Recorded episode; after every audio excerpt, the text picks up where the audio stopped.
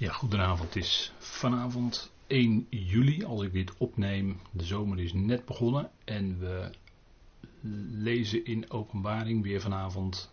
Het is inmiddels al de 54ste studie, overdenking over dit bijzondere Bijbelboek. We gaan vanavond weer kijken naar de profeet Jeremia. Vorige keer hebben we het 50ste hoofdstuk afgerond. En vanavond willen we kijken naar het 51ste hoofdstuk, waar we niet helemaal doorheen zullen komen. Dus we zullen daar na deze avond nog een keer naar gaan kijken. En daarna hopen we terug te keren tot openbaring 18. En het is denk ik goed om met elkaar, voordat we de studie starten, met elkaar eerst Gods aangezicht te zoeken in gebed. Zullen we dat doen?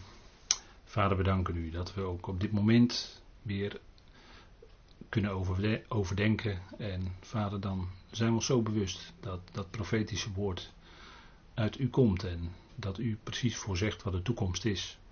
Ook wel dat u bekwaamheid wil geven om die woorden van u over te brengen. Geeft u daarin alle wijsheid die nodig is. Leiding door uw geest. Dat mag zijn tot meerdere eer en verheerlijking van uw naam. Dat mag zijn tot opbouw van ons geloof. Vader, dank u wel dat u in Tenach zoveel heeft laten optekenen. En heel veel heeft te maken met uw eigen volk Israël, wat u zo lief heeft. En wat u niet verstoten heeft, maar tijdelijk die lichtdragersfunctie aan anderen heeft overgegeven. Maar vader, we leven toch in de tijd dat u zeer binnenkort die functie weer aan het volk zal geven. En zij weer voluit zonen van u zullen zijn in komende duizendjarig rijk. En ook daarna op de nieuwe aarde. Vader, we danken u voor dat perspectief wat u geeft aan uw volk. Dank u voor het feit dat ook de ondergang van Babylon, dat de hoofdstad zal zijn van het toekomstige wereldrijk onder de wettelozen. Dat u die ondergang heeft aangekondigd en dat die ook zeker zal komen. Terwijl wij in de tijd leven, vader, dat die stad nog niet eens voluit is uitgebouwd. Maar dat kan in zeer korte tijd gebeuren. We danken u dat we dat zelfs al een klein beetje zien in onze dagen. We danken u dat wij leven in de laatste dagen voor de bazuin. We danken u dat we uitzien naar de komst van uw zoon in de lucht. En wij daar hem zullen ontmoeten. We danken u, Vader, dat u ons dat uitzicht geeft. Vader wil ons ook zo deze avond genade nabij zijn. Leiden in alles wat we mogen zeggen. En leiden ook als we dit later beluisteren. In het luisteren en het overwegen met ons hart. Vader, dank u wel dat u een groot God bent. Dat u niet loslaat wat uw plan, wat uw hand begon. En dat u, Vader, in alles tot in detail het zal uitwerken. En dat u het kwaad zal wegdoen. Dat u de, het zondigen zal doen stoppen op uw tijd. Vader, ook dat is in uw hand. We danken u dat we zo ook deze avond dit moment van studie van u mogen ontvangen. Wees ons genadig nabij erin. We danken u daarvoor in de machtige naam van uw geliefde zoon. Amen. Ja, dan gaan we kijken naar openbaring. En u ziet hier de eerste foto, dat is een bekende schilderij van Rembrandt. Die treurt over de verwoesting van Jeruzalem. Toch wel indringend geschilderd door Rembrandt. En dat is toch heel wat. Hij moest die verwoesting aankondigen.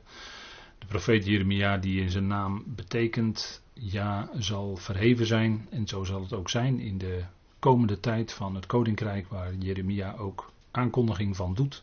Het nieuwe verbond. En dan zal inderdaad Jaweh alleen verheven zijn, zoals ook Jezaja in Jezaja 2 dat zegt. Hè.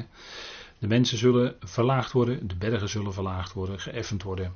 Als teken dat Jaweh in die dag, die dag van de duizend jaar, en daarna komen er nog meer, de dag van God. En dan zal uiteindelijk dat tot een voltooiing komen. Maar al die tijd zal Yahweh alleen verheven zijn. En daar waar het wordt aangevochten, daar zal het ook de vijand definitief vernietigend verslagen worden. En dat geldt ook voor Babylon, waar we vanavond weer naar gaan kijken aan de hand van Jeremia 51. Want niet alleen het 50ste hoofdstuk, maar ook het 51ste hoofdstuk spreekt daarvan. En daarom willen we daar goed naar kijken.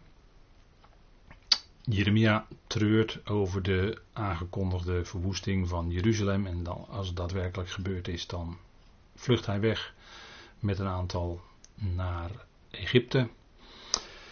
En hij hoort en hij ziet dan, hij heeft dan gezien iets van het begin van de verwoesting van Jeruzalem en daarover treurt hij. En hij weet ook dat het 70 jaar ballingschap betekent. En er waren al heel wat in ballingschap gegaan, maar bij de verwoesting van Jeruzalem ging definitief de laatste, de laatsten uit Juda werden weggevoerd door Nebukadnezar. Goed, we gaan kijken naar Jeremia 51 en u ziet hier een overzicht op deze dia. Vers 1 tot 14 het gericht over Babylon, vers 15 tot 19 een lofrede of apologie. Vers 20 tot 26 de verwoester en in de vertaling heet hij dan de ruïneerder, wordt zelf verwoest of zelf geruineerd. 27 tot 33 internationale strijd tegen Babylon. En dan vers 34 tot 44 verlossing uit Babel. En vers 45 tot 58 geloof in Babels einde. En dan in vers 59 tot 64, de laatste zes versen, een soort colofon, zou je kunnen zeggen, laatste symbolische handeling en een verantwoording. Nou goed, daar komen we vanavond niet aan toe. Daar zullen we de volgende keer aan toekomen. Maar vanavond beperken we ons tot een aantal versen. En we gaan kijken. Ik heb al de versen wat meer vanuit de concordante vertaling overgenomen en vertaald. En daardoor klinkt het wat anders dan in uw vertaling. Als u NBG of een Statenvertaling meeleest, dan zal het best wel soms wat anders klinken. Maar goed, dat kunt u meelezen op de dia's. Daar heb ik het uitgeschreven. Zo zegt Jaweh, vers 1. We gaan gelijk beginnen, vers 1. Zo zegt Jaweh, zie ik wek tegen Babylon op en tegen de inwoners van Leefkamai een ruïnerende wind. En ik wek tegen Babylon op. U ziet dat Jaweh dat zelf doet. Hij wekt, verwekt een wind en dat is natuurlijk een type van de geest. Hij verwekt een geest en dat zullen we ook gaan zien wie dat zijn.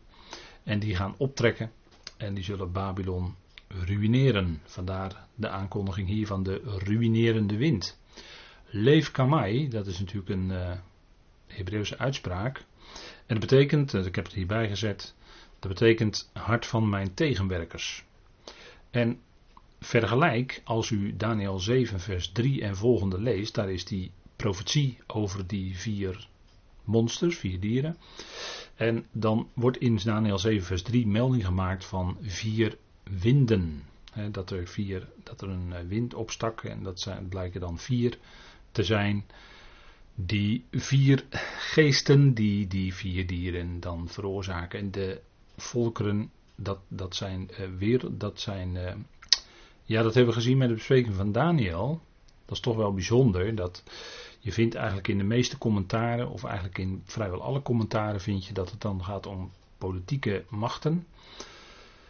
Dat zit daar natuurlijk wel aan vast, enigszins, maar het gaat daar om religieuze machten. Die vier dieren, dat blijken vrouwelijke dieren te zijn. En in de studie van broeder Nog, die heeft daar een boek over geschreven, Concordant Studies in the Book of Daniel. Die zijn ook gepubliceerd geworden in het tijdschrift in, in, in een aantal jaren. Unsearchable Riches, dat nog steeds uitkomt in Amerika. En het is ook, uh, dat is ook vertaald geworden in het Duits, dus de Unarsvorstliche Rijktum. Ook daar kunt u het in terugvinden. En daar staan die bijzondere studies van broeder Nog over de Daniel 7, waarin hij tot de conclusie kwam dat het gaat om religies. Hebben we met elkaar gezien. En dat ook een wind opstak op de Volkerenzee, dat is al een eerste aanduiding. Dat het gaat om een geestelijk iets, religieus. En we zitten ook inmiddels in het tempelgedeelte van openbaring.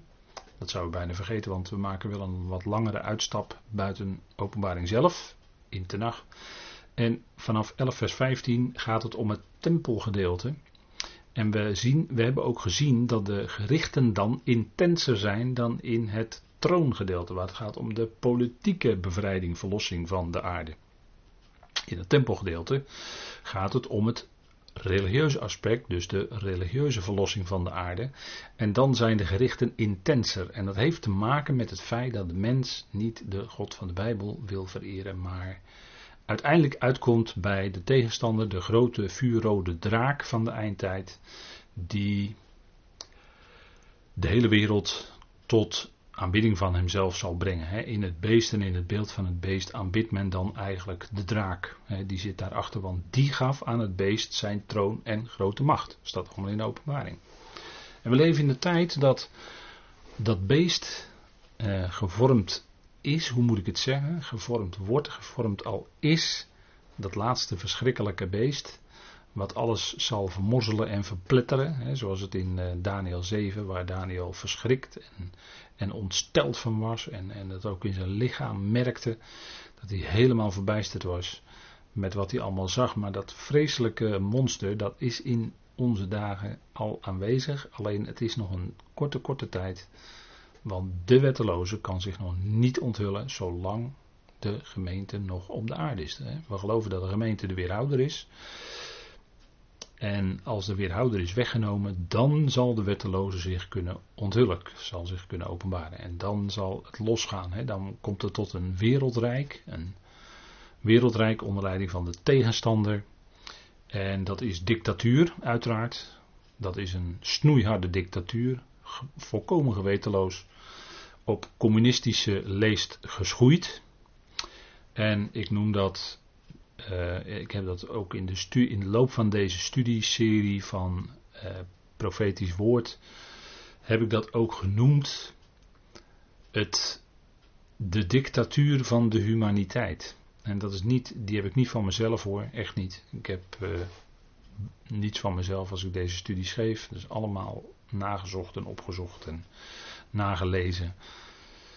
Maar dat zijn boeken die ik heb en daar, daar werd al, um, ja wat zal ik zeggen, 25, 30, 35 jaar geleden over geschreven.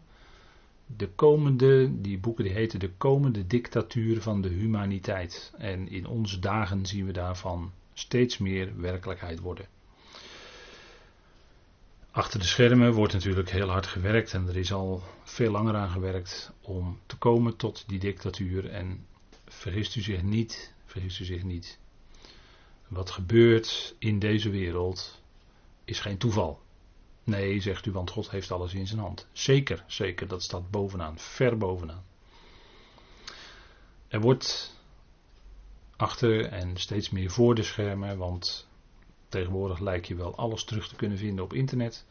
Maar wordt bekendgemaakt wat er allemaal gaande is. Dat staat allemaal gewoon. Kunt u terugvinden, alleen het is soms. Je weet niet waar je het moet vinden. En als je dan zaken terugvindt, lijnen terugvindt, dan wordt alles duidelijk. Dan wordt het, is gelijk ook een verklaring van wat vandaag de dag allemaal gaande is in deze wereld. Nou, misschien vertel ik daar in de loop van deze studie nog iets meer over. Tussen de bedrijven door, om het zo maar te zeggen. Maar Leef Kamai, daar sta ik bij stil en in het kader daarvan zeg ik dit. Leef Kamai, dat is het hart van mijn tegenwerkers. En het hart van de tegenwerker, het gaat, we, we spreken vanavond over Babylon opnieuw. Hè?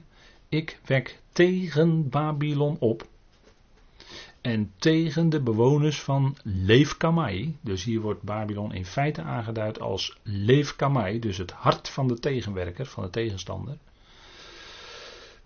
En dat is via een bepaalde, ja dat is een soort geheime, niet geheim, maar is een soort omgewerkte aanduiding vanuit het Hebreeuws met, de omwerking van letters. Maar goed, dat gaat voet allemaal veel te ver. Maar het is een verkapte aanduiding in feite van toch ook Babylon. En dat is het hart van de tegenstander. Daar zal de wereldheerschappij uitgeoefend worden. In dat komende wereldrijk. Waarvan ik net zei dat het een scrupuloze dictatuur wordt. En daar hebben we ook in onze dagen, nog niet zo lang geleden, al, al dat echt gevoeld. Hè? We hebben dat gevoeld. We hebben dat gemerkt. Wat, wat dat betekent. Iets daarvan hoor, iets daarvan. Want we hebben nog best wel wat, we hebben best heel wat vrijheid hoor. Maar goed, we hebben iets ervan gemerkt en dat er, er waait dus, hè, het gaat hier over wind, er waait dus een bepaalde wind in deze wereld, om het zo maar te zeggen. En die wind is niet liefde van God.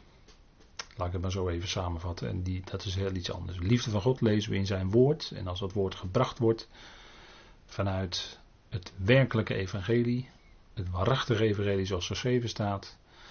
Dat heeft niets te maken en dat, dat, dat hoort u niet, op veel plaatsen helaas niet, of een, of een heel slap iets, een vermenging.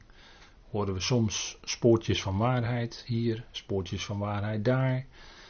Maar de volle waarheid, het volle licht, schijnt doorheen de brieven van Paulus. Dat is nu eenmaal zo. En we zijn niet van plan om, echt niet van plan om dat ooit los te laten. God, God moet dat geven uiteraard, dat we dat kunnen vasthouden. Want van hem is alles, van hem is alle kracht. Maar dat laten we niet los, dat blijft centraal staan. De brieven van Paulus, daarin schijnt het volle licht van Gods liefde en genade. Dat vind je bij andere apostelen niet zo. En vinden we ook niet in Tenach. Ja, wel sporen ervan en wordt gesproken over de liefde, barmhartigheid en de genade van God. Zeker, zeker, zeker. Maar zoals het bij Paulus klinkt, en dat is na het kruis, na de kruisiging van onze Heer Jezus Christus, zijn die sluizen opengezet. Overstromende genade geldt in deze tijd nog steeds. Maar dat is een woord, dat is een wind die, uh, die, niet, die, die niet gevoeld meer wordt. Dat wordt steeds meer een andere wind die waait in een andere geest. De tijdgeest zeggen we dan. Dat is die tijdonderstroom onder de samenleving, doorheen de samenleving. Enzovoort enzovoort. Nou, ruïnerende wind, dat. En nu waar het nog de, de wind die dan uiteindelijk Babylon in staat stelt om de wereldhoofdstad te worden. Maar dan komt er een andere wind, hè, waarover hier gesproken wordt, die zal ook komen daarna. Een ruïnerende wind. Dus daarmee wordt de verwoesting van Babel al aangekondigd. Het hart van de tegenwerker. En dat is, ja, dat moet natuurlijk onder het gericht komen. Dat kan niet anders. Dat kan niet anders. We gaan het zien. Jeremia 51, vers 2. Ik zend wanners naar Babylon. En zij zullen haar wannen. En dat woord wannen is misschien niet meer zo bekend, maar u ziet het aan het plaatjes hè, op deze dia. En zij zullen haar land leegmaken. Want ze zullen rondom tegen haar komen op de dag van het kwaad. En de dag van het kwaad is die, dat kwaad wat gebracht wordt over Babylon. Babylon wat zelf zoveel kwaad, hè, onder leiding van Babylon, zal dan zelf al zoveel kwaad in deze wereld zijn aangericht. Maar nu komt die dag van het kwaad. En dan moeten we toch ook denken aan Spreuken 16, hè, waar staat dat God, God, Yahweh, heeft alles gemaakt voor, hè, voor zijn bedoeling. Ja, zelfs de goddeloze voor de dag van het kwaad of de dag van het gericht. Dat weet ik even uit mijn hoofd, wil ik er even af zijn. Maar hij creëert dat allemaal. Hè? Zelfs die goddeloze dus, die moet er zijn. Dus die wetteloze ook, die moet er ook zijn. Opdat dat, ja, opdat dat, uh, wat, datgene wat, wat dan plaatsvindt, dat de mensen dat zullen zien en dat ze dat zullen, zullen horen en ervaren. Hè? De dorsvloer, de dorsvloer. Wannen, dan praat je over de dorsvloer. u ziet dat uh, hier op dat uh, rechte plaatje. Die man die, uh, die met een wan dus dat koren omhoog gooit, zodat het kaf door de wind meegevoerd wordt en alleen de zuivere korrels overblijven. Of, u ziet op het andere plaatje, een dier wat rondjes loopt en op die manier de korrels uit de aren trapt. Die aren, en later wordt dan het kaf ook, later wordt het kaf er ook uitgehaald door, doordat men wandt. Hè, dus de kaf wordt dan weggeblazen door de wind. Dat is ook het beeld wat de Heer gebruikt de wan, het gericht gaat komen. Dan wordt het kaf van het koren gescheiden. En de dorsvloer, dat kennen we uit de Bijbel wel. Bij Gideon, de dorsvloer van Arauna of Ornan. Daar waar het gericht kwam bij David, die een volkstelling hield. Dat was niet in orde, zei God. En toen kwam hij dus bij die dorsvloer, die had hij gekocht. En die hele geschiedenis kent u wel, dat is in eind Twee Koningen, meen ik, eind. Of, en, eh, of een heel stuk in Twee Koningen, of, of Kronieken, Twee Kronieken. In ieder geval, daar wordt gesproken, en dan moet u geschiedenis maar eens nalezen. Maar een dosvloer in de Bijbel is dus een beeld van gericht. Dat hebben we al vaker gememoreerd.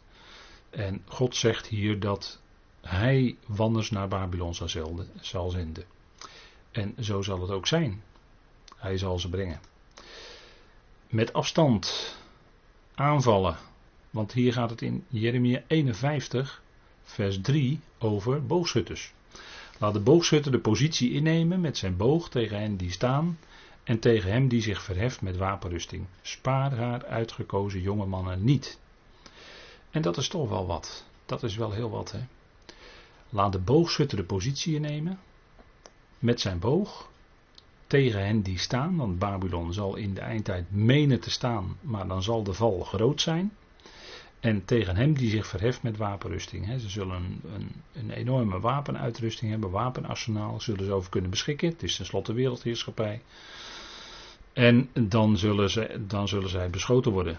Misschien wel door inderdaad letterlijke boogschutters, maar ook door, dat heb ik al ook in de vorige studie denk ik eh, gezegd, mogelijk zou dat kunnen wijzen, want het is over afstand schieten met raketten. En tegenwoordig is daar, zijn daar zeer geavanceerde raketten. En natuurlijk kent u ook het gebruik van de zogenaamde drones, hè, die kunnen aanvallen. Dat zijn dan onbemande. En dat is dan voordeel dat je niet, eh, als een drone uit de lucht geschoten wordt, kost het geen, uh, geen soldaat, hè, kost het geen mensenleven. Maar die drones die kunnen dan met zeer geavanceerde apparatuurtechniek kunnen die op afstand dus allerlei raketten afschieten en doelen treffen. Nou, dat zal ook het. men zal in ieder geval de boogschutter spannen. Dat is eh, beeldspraak waarschijnlijk in Jeremia 51. En dan zal de aanval komen op Babylon. Babylon dat meent te staan. En dat geldt zelfs ook nu voor de gelovigen van deze dagen. Dat zegt Paulus tegen de Corinthiërs. Jullie die menen, staan, menen te staan. Zie toe dat je niet valt. De Corinthiërs meenden dat zij goed bezig waren. Dat zij stonden. Dat zij veel kennis hadden. En eh, noem alles maar op. Maar Paulus zegt tegen ze: Kijk naar het voorbeeld van Israël. Jullie die menen staan, zie toe dat je niet valt. En de Heer houdt staande. Hè? Vertrouwen op de Heer, niet op je eigen kracht, macht, vlees, wat dan ook. Nee, vertrouw alleen op de Heer. Alleen op Hem zien, eh, omhoog kijken in de situatie waarin we zijn. Het van Hem verwachten. En zo zal Babylon het in de eindtijd geheel daartegenovergesteld het van zichzelf verwachten de kracht en macht van de draak ontvangen. En dat zal op een gegeven moment toch uitgeschakeld worden. De Heer heeft het voorzegd. Het gaat komen. En een voorvervulling is natuurlijk al geweest toen Babylon ingenomen werd. Maar de definitieve vervulling van dat Babylon uitgeschakeld wordt, wacht nog op de toekomst. Hè. Dat gaat in de nabije toekomst gebeuren. Goed, vers 4. We gaan naar de volgende dia. En geslagenen zullen vallen in het land van de Galdeën.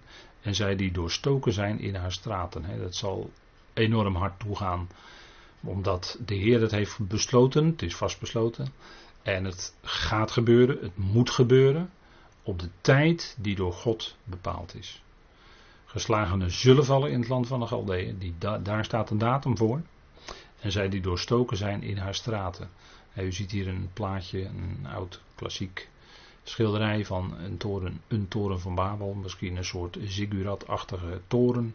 Waarin men kon opklimmen en waarin men bezig was een grote toren te bouwen. Waarvan de top tot in de hemel reikt, zei men in Genesis. En dat was natuurlijk een symbool ook voor het streven van de mens. Om zich te verheffen tegen de Allerhoogste. En zichzelf te verheffen tot aan de hemel aan toe. En dat is natuurlijk een grootspraak, een beeldspraak die zowel de koning van Babel als de vorst van Tyrus bezigen. En als ze zich tot de hemel toe willen verheffen, boven de Allerhoogste willen stellen, wil dat helemaal niet zeggen dat het dan over de tegenstander gaat die viel. Wel nee. Het gaat over de hoogmoed van de mens, die zichzelf verheft en die de, torens hoog bouwt en eh, in zijn waan meent dat hij eh, het beter kan doen dan eh, de Heere God zelf. Nou, dus een enorme aanmatiging. Maar daarmee loopt de mens in een waan. En God zal die mens wel van die waan verlossen op, in zijn dag. De dag die de dag van de Heer gaat inluiden. En dan zal het ook heel snel gaan. En kort, hè, want openbaring begint ook met de opmerking dat die dingen die in openbaring beschreven staan, als ze gaan gebeuren, dan gaat het snel. En in onze tijd gaan de dingen al heel snel. Nieuwe ontwikkelingen gaan heel snel. Alles is. En er zijn zoveel dingen die onze aandacht vragen, opeisen, dat we vaak al na een enkele dagen zijn vergeten wat er was. En we worden weer bepaald bij het volgende. Alles volgt elkaar in hoog tempo op. Het leven van de mens gaat zomaar voorbij. Hè? Het is een damp, zegt uh, Jacobus. Het gaat maar heel snel en alles is vluchtig, zegt de prediker. Hè? Alles is ijdelheid. Vluchtig, het gaat snel voorbij. En zo zullen ook die geslagenen, voordat ze het weten, vallen in het land van de Kasdim, hè, de Galdeën. Dat, dat woord heeft te maken met de demonie. En dat zal daar ook huizen. Dat staat duidelijk, oh zo luid en duidelijk in Openbaring 18. Hè. Demonie, onreine geesten. Het gevogelte, onreine gevogelte, dat is een type van onreine geesten. de vogelen des hemels, dat is een type van geestelijke machten. En als het onrein is, ja, dan zijn het onreine machten, dan zijn het boze geesten, dan zijn het demonen. En die zullen daar huizen in grote getalen. En die hebben steeds meer invloed gekregen in onze samenleving. Zeker in de afgelopen, ja, wat zal ik zeggen, afgelopen honderd jaar als ik het heel ruim neem. Maar misschien wel uh, heel intens vanaf uh, 1940, 50, 60. Door toedoen van uh, occultisten die grote invloed hadden in de amusementsindustrie. En die grote invloed hadden in de industrie, ja, amusementsindustrie, dan, dan ik mede op de popmuziek, hè, de populaire muziek, de films en de, ja, wat daar uh, nog meer een aanverwante artikelen uh, bij zitten. Uh, al, al dat is allemaal beïnvloed geworden. Beïnvloed geworden door machten. En daar is een enorme toename dus van demonische invloed ook door de grote vloed van andere godsdiensten, laat ik het zo maar even zeggen, die over het Westen zijn gekomen. Het christelijke, zogenaamde christelijke Westen, is overspoeld door andere godsdiensten. En dat heeft zo zijn invloed. En dat is, daarachter zit demonische invloed. En dat trekt zijn sporen wel. Maar dat zullen we allemaal gaan zien wij van bovenaf, maar dat zal in de eindtijd in alle heftigheid te merken zijn. De geslagenen, omdat er zoveel kwaad in korte tijd aangericht zou worden in dat wereldrijk, zullen de geslagenen vallen in het land van de Galdeeën. En zij die doorstoken zijn in de straten. En pijlen zullen hun doel treffen en ze zullen vallen. Dat is wat aangekondigd is. Dan vers 5 van Jeremia 51. Israël en Juda. Want Israël en Juda zijn geen weduwe geworden door Elohim, door God door Jaweh van de menigten, hè, Zebaot.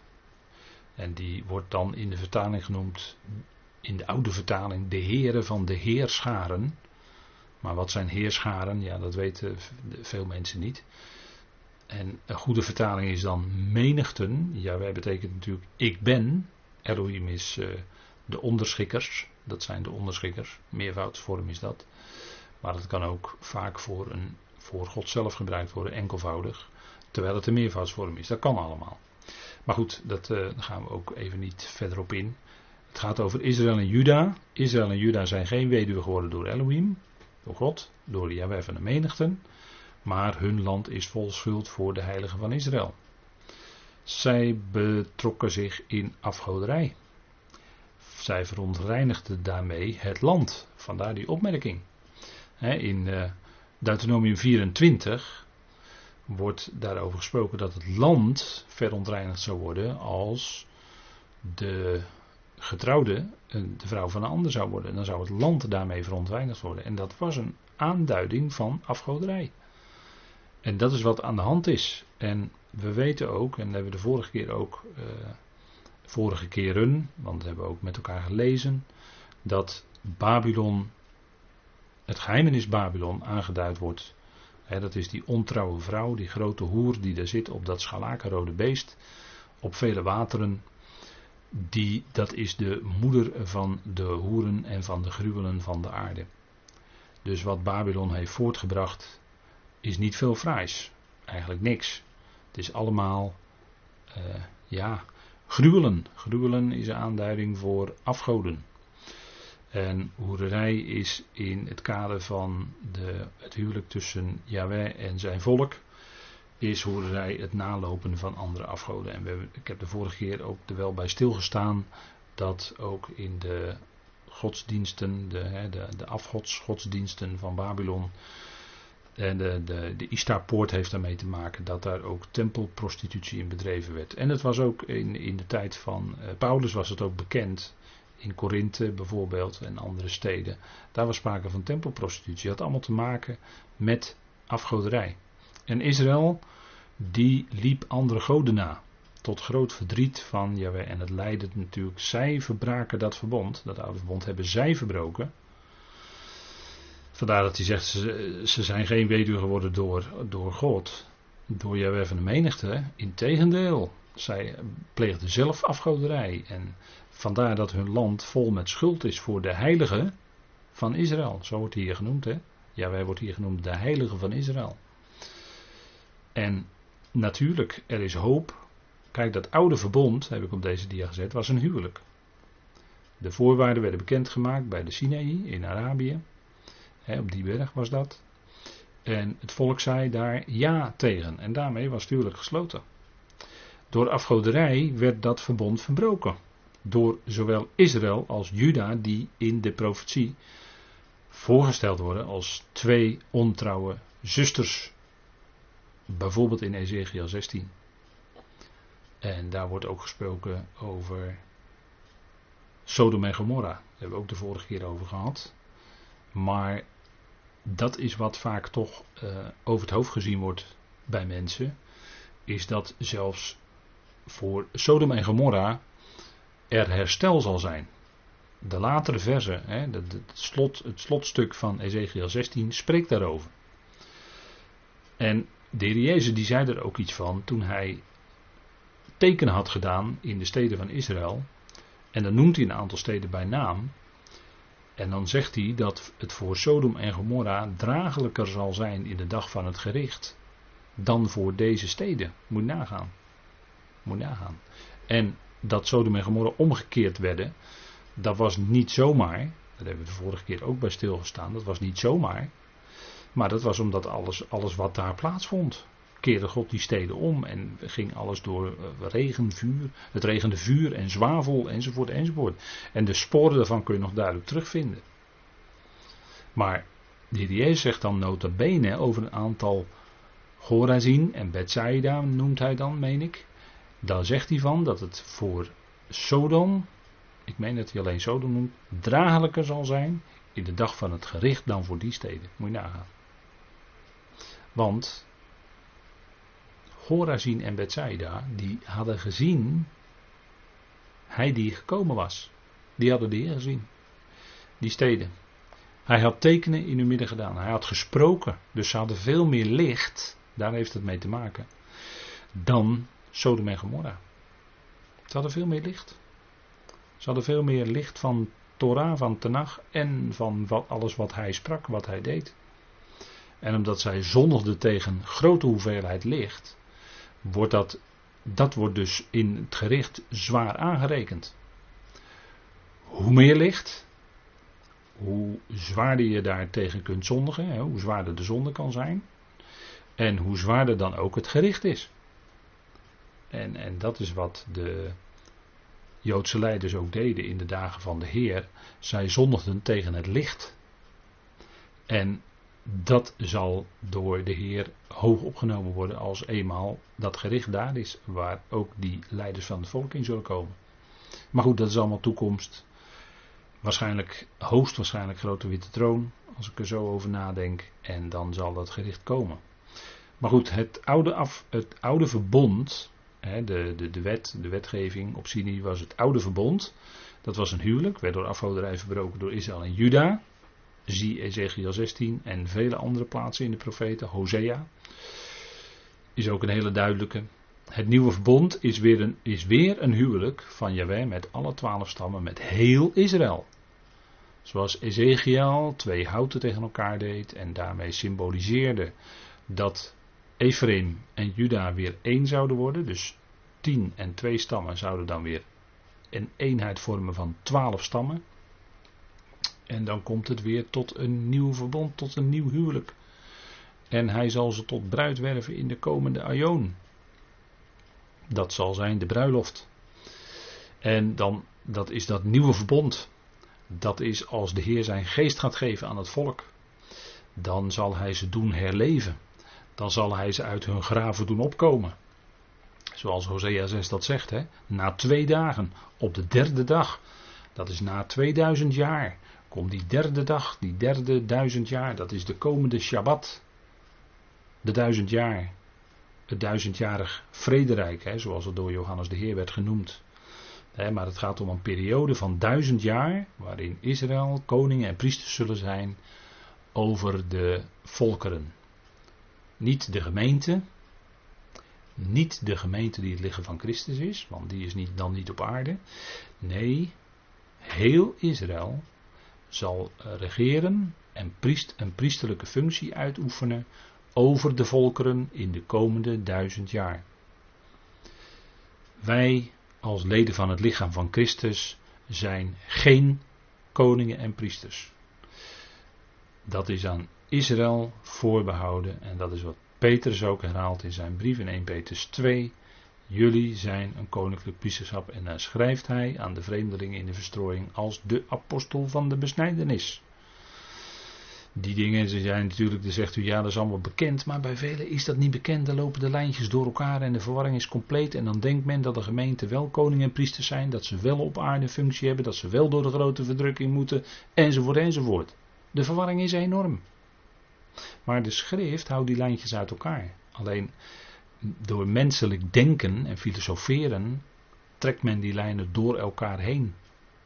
Maar dat kun je niet doen hè, met de schrift. De schrift moet je laten spreken zoals het staat geschreven. En dan wordt het vanzelf wel duidelijk. Maar de schrift zelf geeft het aan. Het nieuwe verbond. Dat zal komen. Dat is genade van Jaweh natuurlijk. Hè. Dat is barmhartigheid van de Heer. Dat hij opnieuw met dat volk. Dat weerspannige volk van vroeger. Maar hij zal zijn geest in hun binnenste geven. Het zal niet permanent inwonend zijn, maar hij zal wel zijn onderwijzing in hun harten schrijven. Ze zullen dan een vlezen hart hebben, niet langer een stenen hart, enzovoort, enzovoort. Alles wat ervan gezegd wordt. Hè. Weer een huwelijk met de twaalf stammen van Israël.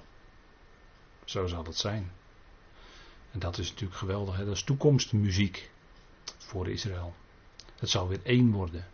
Na een lange periode van verdeeldheid. En het Jodendom, dat, zeg, dat, zeggen, dat zeggen de Joodse mensen zelf hoor. Het Jodendom is ontzettend verdeeld en versplinterd. Allerlei meningen, allerlei tegenstellingen, allerlei. Ja, dat, dat, is, dat is zo. dan, dan praten we nog niet eens over de, de, de, nou ja, je kunt op alle gebieden zijn daar grote tegenstellingen, ook, ook onder, onder, de, onder de Joodse mensen in Israël en, en daarbuiten. Op alle gebieden zijn tegenstanders. Ken je ook politiek links en politiek rechts en uiterst rechts en uiterst links. Dat ken je er ook allemaal. Ja, het, het is allemaal net zo verdeeld als bij de volkeren hoor, wat dat betreft. Maar goed, dat zal in de toekomst weer een eenheid zijn. Ze zullen één zijn dan zal die eenheid er weer zijn. Door de geest van God gewerkt. Want anders, als het vlees is, dat gaat, gaat niet lukken. Eenheid naar het vlees, dat, dat lukt niet. Maar eenheid vanuit de geest van God, ja, dan is het één. En wij zijn als leden van het lichaam van Christus, wij zijn één, omdat we diezelfde geest ontvangen hebben.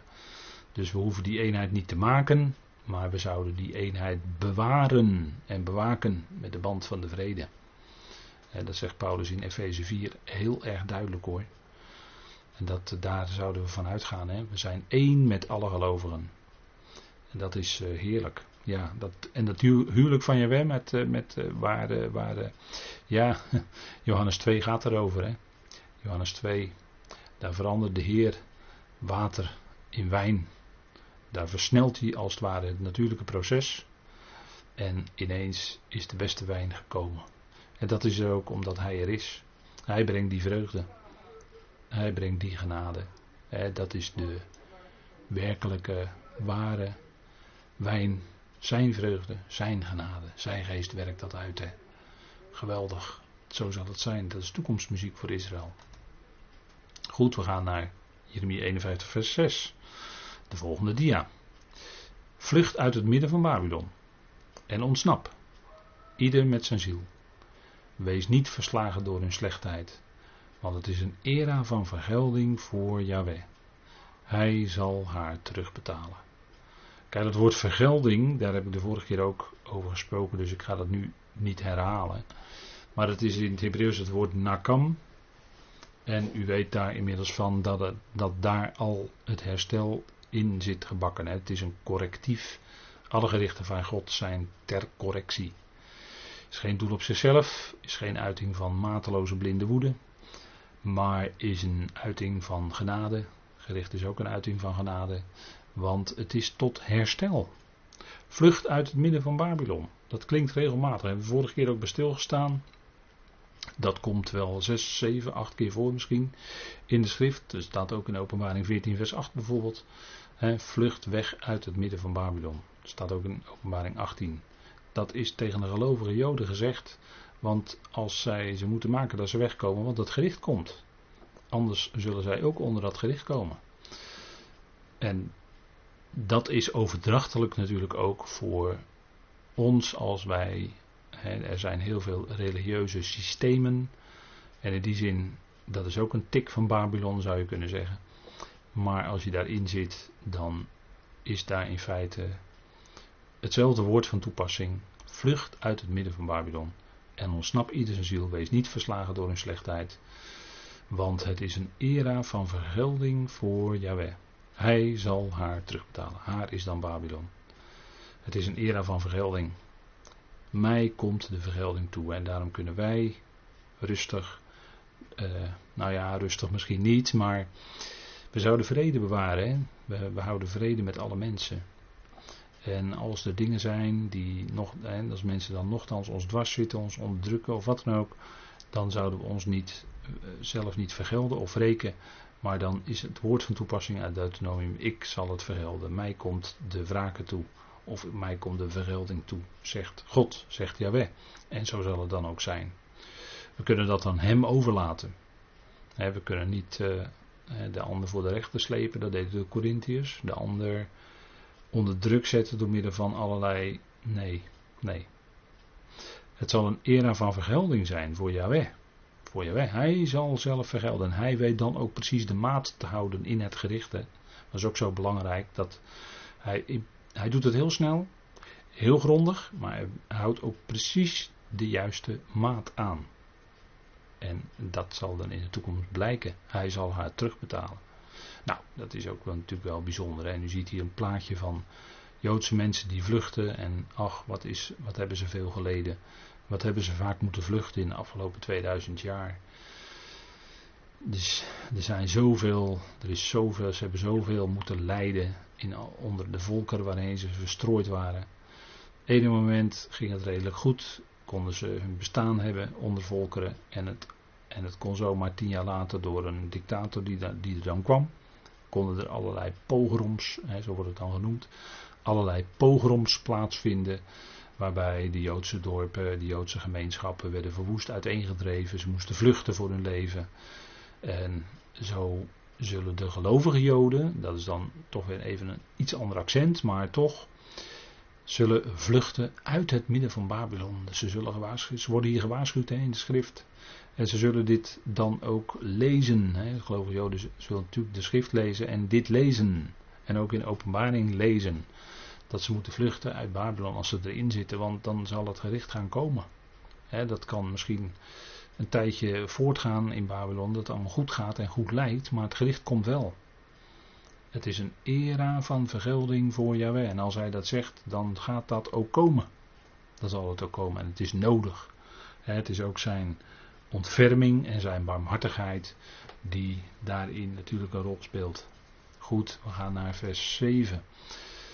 Babylon was een gouden beker in de hand van Yahweh, die de hele aarde dronken maakte. De natieën dronken haar wijn, daarom zwalken de natieën. En dat is vandaag de dag het geval. Die gouden beker, daar wordt uit gedronken. Dat zijn gruwelen, dat zijn hoererijen. En dat is te merken, ik noemde er net al de invloed van de machten in de media, in de films, in de popmuziek. En wat denkt u van de pornografische industrie? Wat ook uh, een enorm veel, uh, waarin enorme grote sommen geld verdiend worden. Aan, aan uh, ja, aan al dat onreine wat dan daar allemaal getoond wordt. Dat is, uh, daar zit de tegen, tegenwerker achter, tegenwerkende krachten. Gruwelen, hè, dat, dat zijn uh, gruwelen die plaatsvinden. En, en uh, soms komt er een, een, een onderzoek en aan de ene kant ben je dan, ja, hoe moet je dat nou zeggen, er blij mee, ook weer niet. Maar soms is het opmerkelijk dat iets onderzocht wordt, wat dan daadwerkelijk in de reguliere, officiële media aan de orde gesteld wordt. En dat zijn gruwelen. Dat zijn de meest verschrikkelijke dingen die gebeuren.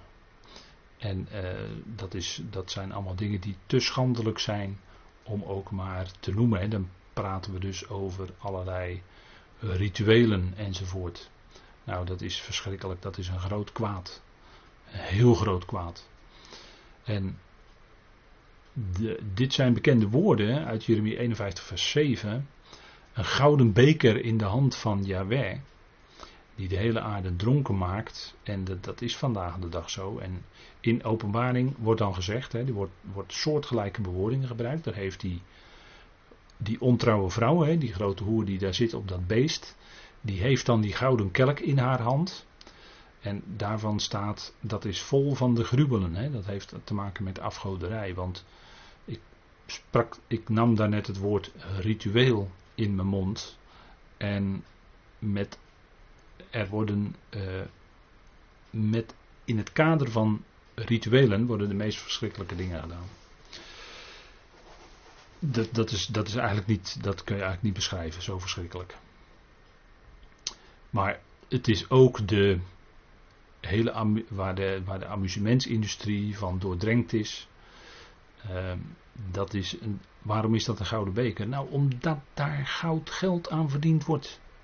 Daar worden mensen steen en steenrijk mee. Zowel de actrices en de acteurs als de regisseurs als de, de, de lieden die daar weer achter zitten of boven staan, hoe moet je dat zeggen. Die worden daar allemaal schatrijk van.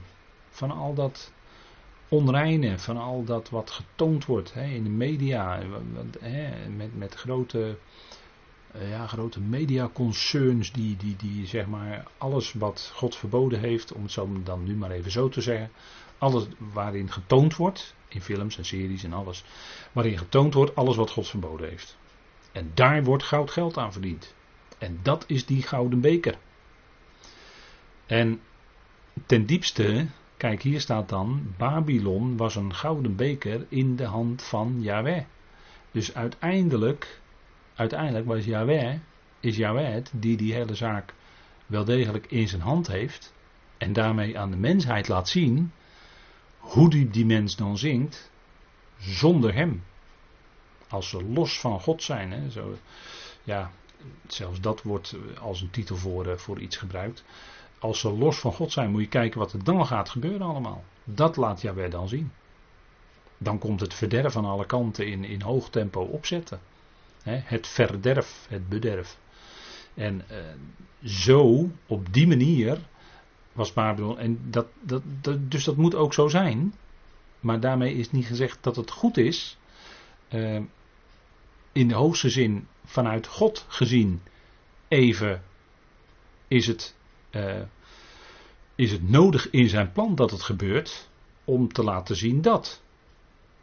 Maar dat is, dat is de beker waaruit uh, gruwelen komen, waaruit het verderf komt. Waaruit... En zo moest die hele aarde dronken gemaakt worden. En dat zal in de nabije toekomst nog erger worden. Maar het is, hè, als, je goed, eh, als je nu in de wereld kijkt en, en dan, dan zeg je ja, die wereld draait dol. De ene keer is het dit en de andere keer is het dat. En mensen maken zich druk over van alles en nog wat. En ze draaien helemaal dol. En zo zal het ook zijn in, in, in die eindtijd zal het nog veel erger zijn. Dan wordt de hele aarde dronken gemaakt. En dan zwalken de natie, dan zijn ze bedwelmd.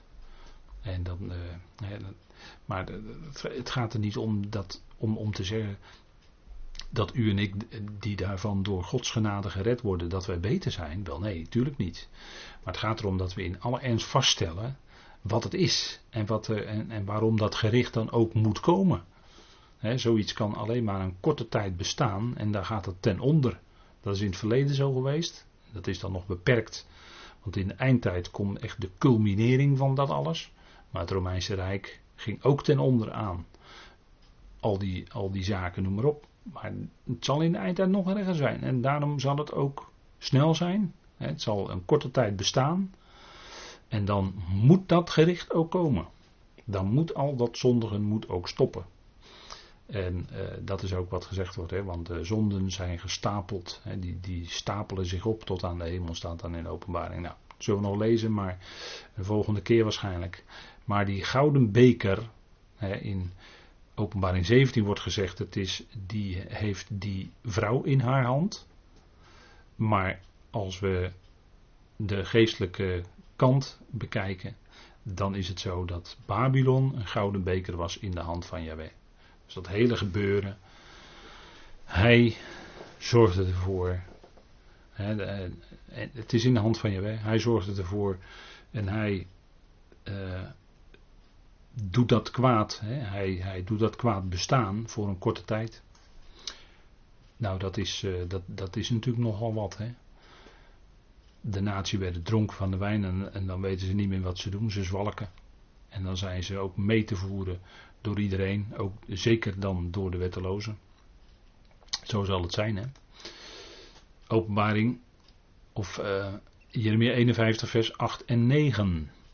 En daar lezen we ook weer bekende woorden die we ook in openbaring lezen. Ineens viel Babylon en werd gebroken. Huilt over haar. Neem balsem voor haar pijn. Misschien zal ze heel worden. Wij zouden Babylon geheeld hebben. Nee, tegen de Joodse mensen in Babylon wordt gezegd: verlaat haar. En laten we gaan, ieder naar ons eigen land. Want haar gericht reikt tot aan de hemelen en is verheven tot de luchten. Net zoals hun toren die ze wilden bouwen tot in de hemel reikte. Zo is het gericht reikt tot aan de hemel. Het zal voor de hele wereld een enorm groot gebeuren zijn. Iedereen zal het zien.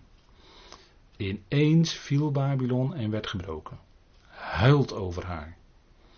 als het gericht eenmaal plaatsvindt en het valt en al die mensen worden dan gedood. God heeft ten diepste geen behagen in de dood van de goddelozen. Maar het gericht moet wel komen. Er moet wel een einde komen aan dat systeem, aan dat wereldrijk, vol afgoderij. Dat moet wel beëindigd worden. En dan zit het toch, klinkt het toch, hè, midden in het punt dat het, dat het gericht gemeld wordt. Babylon valt wordt er toch gemeld, balsem voor de pijn. Heel, uh, ja, misschien zal ze heel worden, maar het is niet meer te redden hoor, het is niet meer te redden. Er klikt er toch iets in van die barmhartigheid van God. dat is die mens, God, God heeft alle mensen lief voor. En uiteraard niet wat, wat de mensen doen, maar hij heeft wel de mens altijd lief. En vandaar dat dit klinkt, hè.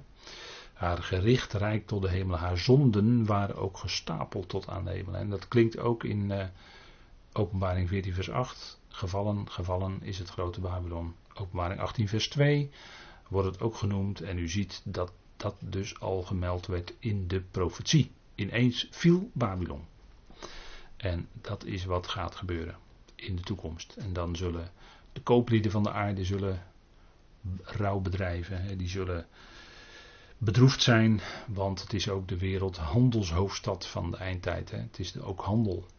En handel is natuurlijk ontzettend belangrijk. Dat, uh, dat hebben we in het zeer nabije verleden opnieuw gezien. Als dat stilvalt, die handel, en als er geen, uh, geen handelsverkeer mogelijk is, ja, dan brengt dat grote schade toe aan de economie. Hè, dan, uh, heeft dat zo diepgaande consequenties die nog jarenlang te merken zullen zijn. En er worden grote sommen geld voor geïnvesteerd om de zaak weer op de rails, een beetje op de rails te houden en de economie draaiende te houden. Maar dat, zal, dat geld zal allemaal straks ook weer betalen. Al die miljarden. Het gaat om astronomische bedragen inmiddels in Europa. Alleen in Europa al. En ook in Amerika worden daar. Ik weet niet hoeveel miljard miljarden dollars en in, in Europa euro's aan besteed. Maar dat zal allemaal weer opgebracht moeten worden, dat geld. Dus dan, nou ja, hoe dat dan gaat in de economie. Hè? We gaan geen economische bespiegelingen hier houden, want ik ben helemaal geen econoom. maar hier en daar lees je wel eens er wat over. Maar het zal, heeft een enorme impact. Het heeft enorme impact. Maar wat we hebben meegemaakt, de crisis van 2008, 2009 en de, de economische crisis die nu aan het, echt aan het ontstaan is, in feite al is, maar dat gaat nog echt nog heel, heel goed komen binnenkort. Dat is nog niet de val van Babylon dat, uh, en en de, uh, ook de, de, het ineenstorten in 2011, in 2001 van die Twin Towers. Dat was niet de instorting van Babylon. Dat was niet de val van Babylon. Dat was iets anders. En dat had wel zo zijn consequenties. Ook voor het land waar Babylon in ligt. En dan ligt daar wel een lijntje. Want toen werd dat land, Irak, werd aangevallen. De dictator werd uiteindelijk verdreven en gedood. En daardoor kwam er een heel ander regime, waardoor de uitbouw nu die gaat komen van de stad Babylon mogelijk is. onder Saddam Hussein was Babylon al gedeeltelijk herbouwd, oude, oude, uit, het, uit de oudheid, de Istarpoort en, en al dat soort zaken. als je daar komt, uh, toeristisch is het volgens mij nog wel te benaderen, dat gebied. Maar nu is de berichten, zijn dus de berichten dat het weer verder uitgebouwd gaat worden. En dan gaan we dus toe naar die wereldhandelshoofdstad van de eindtijd. En, en dat is dus in 2001, toen die Twin Towers vielen, is daar al een, een ontstaan van. Hè, van dat het land dus uh, grote veranderingen zou ondergaan door, het, door de invallende legers van uh, de westerse coalitie. En dat leidt ertoe dat die stad nu verder uitgebouwd kan gaan worden. Het is een hele andere situatie. En de stad zal uiteindelijk dus ook vallen. Het stond al in Jeremia. Het wordt herhaald in de openbaring. En dat zal gaan gebeuren. Jeremia 51 vers 10. Yahweh heeft onze gerechtigheid voortgebracht. Kom en laat ons vertellen in Sion de daad van Yahweh, onze God, onze Elohim. En Elohim betekent niets anders dan onderschikkers. Dit, zijn, dit zullen, als u het mij vraagt, de Joodse mensen vertellen die weggevlucht zijn uit Babylon en die dan dat gericht hebben zien aankomen. En dat Yahweh dat dan heeft gedaan, dat zullen zij vertellen in Sion. En Sion, dat is natuurlijk die berg, de berg Sion, hè, dat ligt uh, te Jeruzalem. Dus Sion en Jeruzalem, dat, dat, ligt heel, dat is heel nauw verbonden met elkaar natuurlijk. Sion is niet uh, een aanduiding van het geestelijk Israël dat dan de kerk is. zo is het dan uitgelegd geworden in de loop van de tijd. Nee, Sion heeft te maken met de berg Sion, letterlijk in Israël. En de ontkomende van Sion en de, uh, ja, de, de, de, de gemeente van eerstgeborenen, die dan een ontastelijke berg enzovoort, heeft allemaal te maken met de zegeningen van Israël. Jeremia 51 vers 10 wordt daarover gesproken. Laat ons vertellen in Sion de daad van Yahweh onze God. En dat is wat Paulus ook doet in het evangelie. Hij vertelt over de machtige daden van God. Wat het kruis, de kruising van onze Heer Jezus Christus uitwerkt. Die machtige daden, die werken van Hem, die hebben enorme uitwerking uitwerking van zegen, van genade, van heil voor heel de mensheid. En die daden kunnen wij ook vertellen. Hè, kunnen we doorvertellen, doorgeven aan andere mensen. En uh, ja, het is een geweldige boodschap, vol genade. Maar in de praktijk blijkt dat mensen daar toch vaak niet altijd op zitten te wachten. Ja, is alles genade? En daar, als iemand dat zo vraagt, die, dan, dan hoor je het denken van iemand dat iemand denkt dat hij er toch wat voor moet doen. Maar het punt is dat genade echt gewoon helemaal gratis is. Het is gewoon voor niets, het is om niet. En dat is toch heerlijk, dat het werk al gedaan is. Dat we kunnen danken voor dat wat hij gedaan heeft. En, en dat, we, dat hij al onze zonden gedragen heeft. Dat hij al onze ongerechtigheid weggedaan heeft. En dat hij ons rechtvaardig rekent in zijn geliefde zoon. Dat hij ons verzoend heeft met zich door de dood van de zoon. Uh, ja, al die zegeningen uit dat, uit dat geweldige evangelie dat Paulus mocht brengen. Nou, die geweldige daden, die kunnen wij ook doorgeven aan anderen. Maar je merkt vaak dat ze toch niet, zo niet op zitten te wachten. Omdat mensen toch vaak religieus tintje hebben, laat ik het zo maar zeggen. En toch vaak nog iets zelf willen doen. Of denken van ja, maar je moet toch ook nog dit. En je moet toch ook nog dat. En je moet toch ook nog. Nee, nee, nee, nee. Niets van dat moeten allemaal.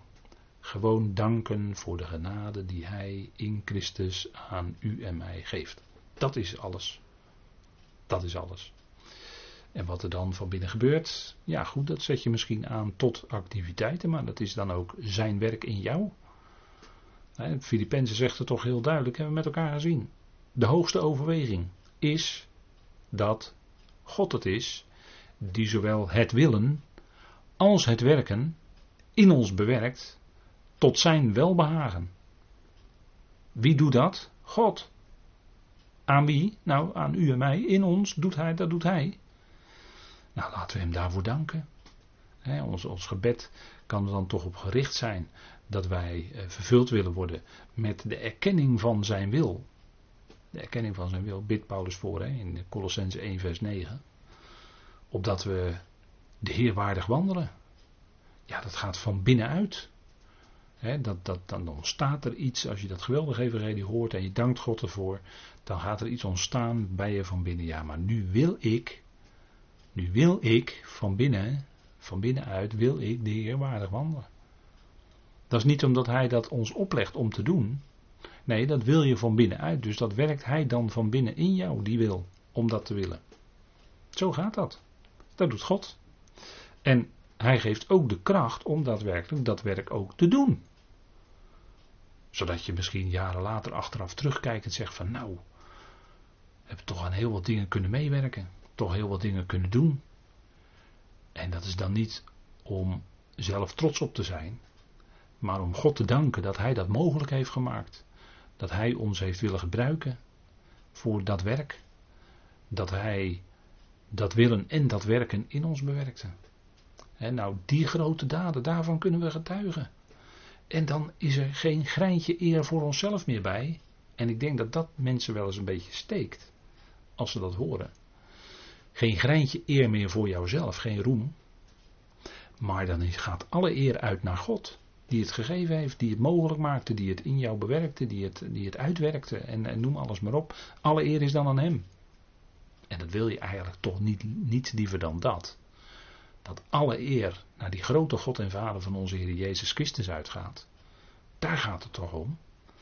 En, en dat is wat zo in het Evangelie naar voren komt. En, en als zij gaan vertellen daar, hè, keren we terug naar Jeremie 51 vers 10.